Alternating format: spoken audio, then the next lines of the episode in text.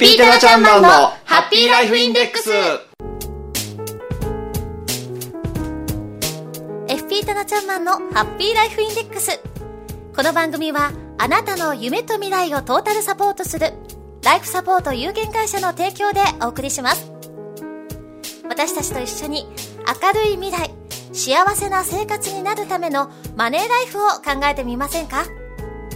番組ではあなたからの質問やご意見も受け付けています。番組の放送中でも大歓迎ですしその他の曜日いつでも OK です。メールで送ってくださいね。タナちゃんマンへの応援メッセージもお待ちしています。宛先は fm768 アットマーク p-wave.ne.jp メッセージの宛先と同じです。fm768 アットマーク p-wave.ne.jp でお待ちしています。さあそれでは今日も早速一級ファイナンシャルプランニング技能士でありライフサポート有限会社代表のタナちゃんマンをお呼びしましょう。あなたもご一緒に。せーのタナちゃんマン。はいこんにちは。棚橋です。はい、こんにちは、たなちゃんはいマン。こんにちは。先週はですね、はい。第1週目だったんですが、登場していただきまして、住宅ローンについて教えていただきました。はい。住宅ローンといってもね、やっぱりこう、大きなものですからね。すね。なかなかこの前の週だけでは、ね。ね、はい。お伝えできなかったこともあろうかと思います。はい。もっともっと詳しく教えていただけませんか、はい。えー先週はですね住宅ローンでもその住宅ローン控除ということでね、えーそこにめ、えー着目してお話をさせていただきいただきましたけれども、はい。今週はですね住宅ローンそのものについてお話をしてみたいと思います。そうですね、はい。なんか夢のね、そうですね、まあ、夢のマイホームですんでね、はい。それをね、えー実現するために、やっぱり知識としては入れておく必要があるのかなと思います。はい。で、えー最近ですね、えーライフプランニングのご相談に見える方からよく聞かれる質問なんですが、はい住宅ローンはですね、変動金利というのと、えーまあ、フラット35で、えー代表されるような長期の、おまあ、固定金利ですね、えー35年間という期間のお固定金利を選んあるんですけれども、どちらを選んだ方がいいんですかっていう質問はよく受けるんですね。はい、はい。で、悩みますよね。そうですね。変動金利ね、えーもちろん変動金利という言葉はそのままですね、金利が変動していきます。うんで、えー今の金利設定からいくとですね、変動金利すごく金利が低いんですよ。はい、はい、えー銀行さんによっても金利違うんですが、低いところでいけば1%を切るぐらいからですね、高いところでもお1.2%程度の金利でね、えー推移しています。で、えーそれに引き換ええーまあ、住宅ローン最長35年組めるわけなんですけれども、はい。えー35年こ、えー固定という金利ですね、まあ、フラット35の国のお住宅金融支援機構というところで、ね、貸し出している、えーきえーのでいくとお35年間、えーこれも大体ばらつきあるんですけれども、えー取扱銀行によって、ね、違うんですが、あ低いところでは2.1%ぐらいからあ高いところで2.4%、2.5%程度です。やはりこの1%ちょっとのね開きがありますのでねえーどっちがいいんですかっていうご質問を受けるんですよ。はい、はい。気になりますよ。ですね。で、うんえーただここでですね変動金利金利低いんですが変動していくというやっぱりリスクがありますよね。そうですね、はいどうなるかわからないですからね。ですよね。うんはい。で、えーじゃあ今、えー購入しようとされていらっしゃる方ですね、マイホームを購入しようとされていらっしゃる方、あるいはあー新築をしようとね、建てようとしていらっしゃる方ですね、えーどういうお家を建てられるんですかってまずご質問をします。はい、はい、と言いますのは、あの最近ですとお長期有料住宅っていうですね、えーそれを促進するようという法律もお去年からできてですね、えーせえー施行されているわけなんですけれども、長期有料住宅を購入しようとされる方ですと、先ほど言いましたフラット35の場合ですね、えー10年間はあー金利が1%優遇されしますよっていう制度があります。はいまたちょっとお得な制度がそうですね、はい、ですので、えー今、例えば2.1%から2.5%というお話しましたけれども優遇受けれれば1.1%から1.5%で借りれるわけなんですね。そうすると変動金利となら金利が変わらないわけですのでまあ、そういう金利を、えー有料住宅を、ね、建てようとされる方でしたらフラット35の方がいいんじゃないですかっていうお話をさせてもらいます。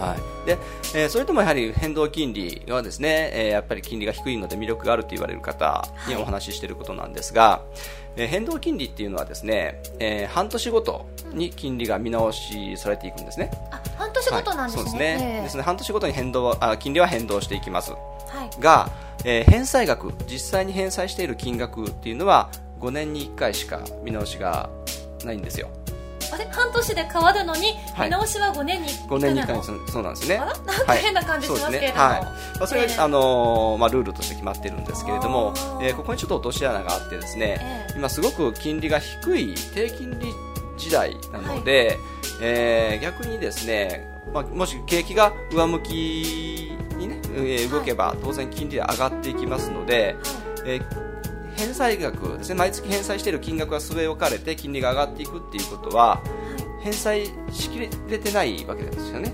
そうですよね。ね、返済額が足らないということになりますので、それがじゃあどこへ行くのかっていうとその分元本が減っていかないということになっていきます。はい。そうですね。ずーっと元本が減らないまま、あー利息だけを返済していく形になりますよね、はい。で実際に5年後に返済額の見直しをしたときに、えーここでもまたですねルールがあってですね、えー返済額は今返今返済している金額より125%要は1.25倍ですね、はい。以上は上げませんよっていうルールがあるんですね。あそれ以上はもはい。う上限はそこまでですよそうですね。決められてるわけですね。はい、つまり今、例えば10万円返済しているものがいきなり17万ですよって言われると大変じゃないですか、嘘ってなる、ね、それを防ぐためではあるんですけれども、はい。まあ、あー。1.25倍までしか上げませんよっていうルールがあります。ええただこれはですねあくまでも返済額は上げませんというルールなんですよ。金利は上げませんとは言ってないんですね。あつまり金利がですねずっと上がり続けてですね、えーまあえーバブルの頃ですね8.5%ぐらい、えー住宅ローンの金利ってありましたので、はい。それぐらいまで金利が上がってたらですねでそれだけの本当は払わなくちゃいけないんだけども払わなくていいっていうことは要はまた返また返またまた返済額が足らないっていうことになりますよね。う。そうですよね。はい、ずっとこれがあの未収金として繰り延べられていってしまいますので、後回しにされてる感じそうなんですよ。はい、それを最終返済日35年ローンで組まれた方ですと420回目の返済日にまとめて返済しなくちゃいけない。っていうのは来ちゃいますのではい、すごくリスクが伴いますね。ではそうですね。とでしょうね。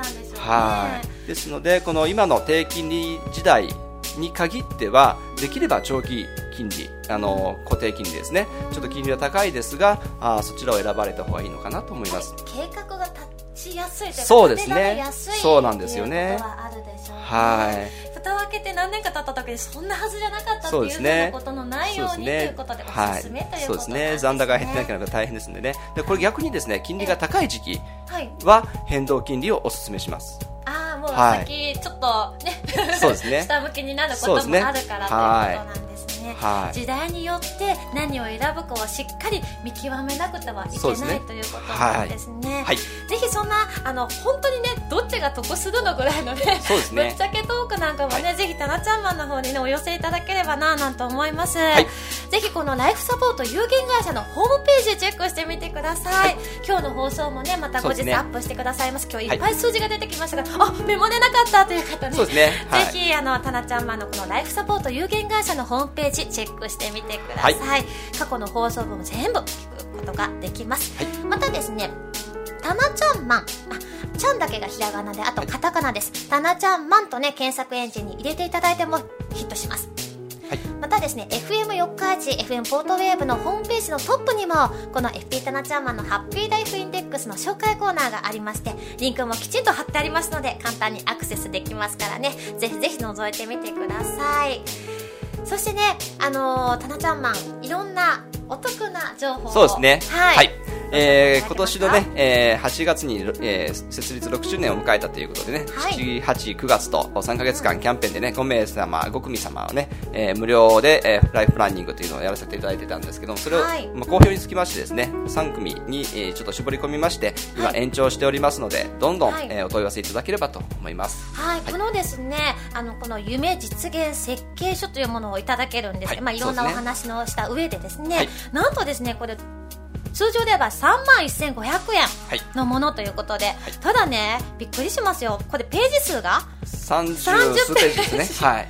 もう本ですよ。冊子です、はいあの紙切れ1枚とかじゃないんですよ。そうですね。はい。30ページの冊子で3万1500円でもう内容が詰まってるから、ある意味お安いんじゃないかなと思うんですが。ただですね無料といってもですね徹底的に私お付き合いしますんで、はい、逆にお客様にですね、えー、そそこまでしなくてもって、はい、よ言われる方もいらっしゃいますけれども、はい、私の気が許しませんので徹底的にやります。では抜かないですよ。はいそうですね。なので2時間から長い方ですね3時間半ぐらいかかる方もいらっしゃいますね。やっぱりねお時間を十分とって、はい、いろんなお話をして、あのマッチしたそのご家庭だったり、カップルだったり、マッチしたものをね作成していただけるということです。ちょっとねあの参考に見させてもらうとグラフもありね、本当に分かりやすいです、本当に優しく書いてあります、もう30ページある一冊の本の状態でお渡しいただけるということなので、ぜひぜひお問い合わせください例えばさっきの住宅ローンのこともわかんないよとかね、あとマイホーム買いたいんだけどそろそろマイホームをね考えてるんだけど、大丈夫かしらって思われる方がね一番今でも相談される方そういう方が一番多いですかねね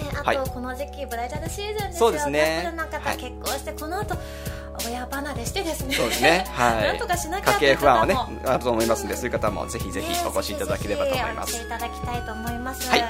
はい、そうですね、ご希望の方はぜひご予約をいただきたいですね、はい、そうですね。あのお電話でご予約いただければ結構です、はい、で電話番号が059-334-8111です。059-334-8111ッシュです。ぜひお寄せください。はい、では、タロちゃんマン次回登場してくれるのは第4週目です。ですねはい、心についてのお話をしていただけると思います。お楽しみに。はい、皆さんね、ぜひお寄せください。